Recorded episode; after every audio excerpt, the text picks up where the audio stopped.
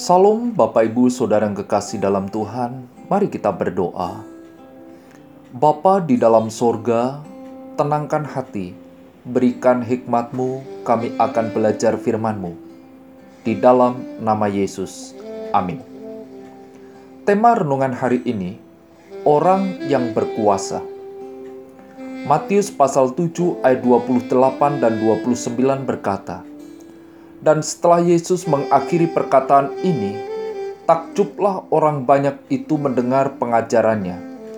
Sebab ia mengajar mereka sebagai orang yang berkuasa, tidak seperti ahli-ahli Taurat mereka.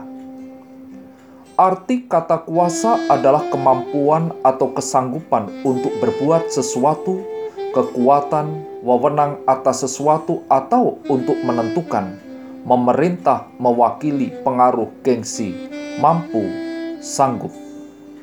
Orang yang mengajar dengan kemampuan atau kesanggupan, kekuatan, pengaruh, mampu.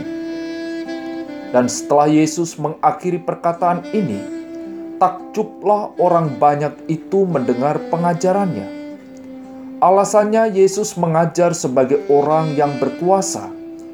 Cara, metode, bahkan cara penyampaiannya tidak sama alih-alih Taurat. Para pendengar mengenal yang bisa alih-alih Taurat lakukan.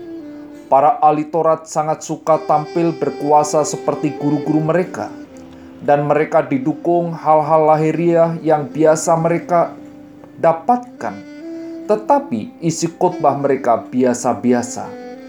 Mereka mengkhotbahkan apa yang mereka belum kuasai. Perkataan yang keluar dari diri mereka sebagai pengajar tidak disampaikan dengan hidup atau kuat. Mereka menyampaikan hanya sekedar menghafal. Tetapi Yesus mengajar. Yesus menyampaikan khotbahnya dengan penuh kuasa Yesus menyampaikan khotbah secara utuh.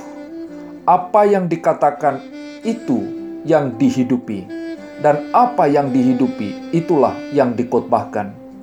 Yesus seorang pengajar yang berintegritas. Pengajaran Yesus menunjukkan lebih banyak kuasa daripada yang dimiliki para ahli Taurat yang duduk di kursi Musa. Jadi, bila Yesus mengajar melalui rohnya di dalam jiwa, ia mengajar dengan penuh kuasa. Yesus mengajar tidak sebatas mengajar, tetapi menjadi pelaku ajaran itu. Sebagai orang percaya, pengajar Kristen dalam menjalani kehidupan Kristiani tidak sebatas perkataan atau teori belaka.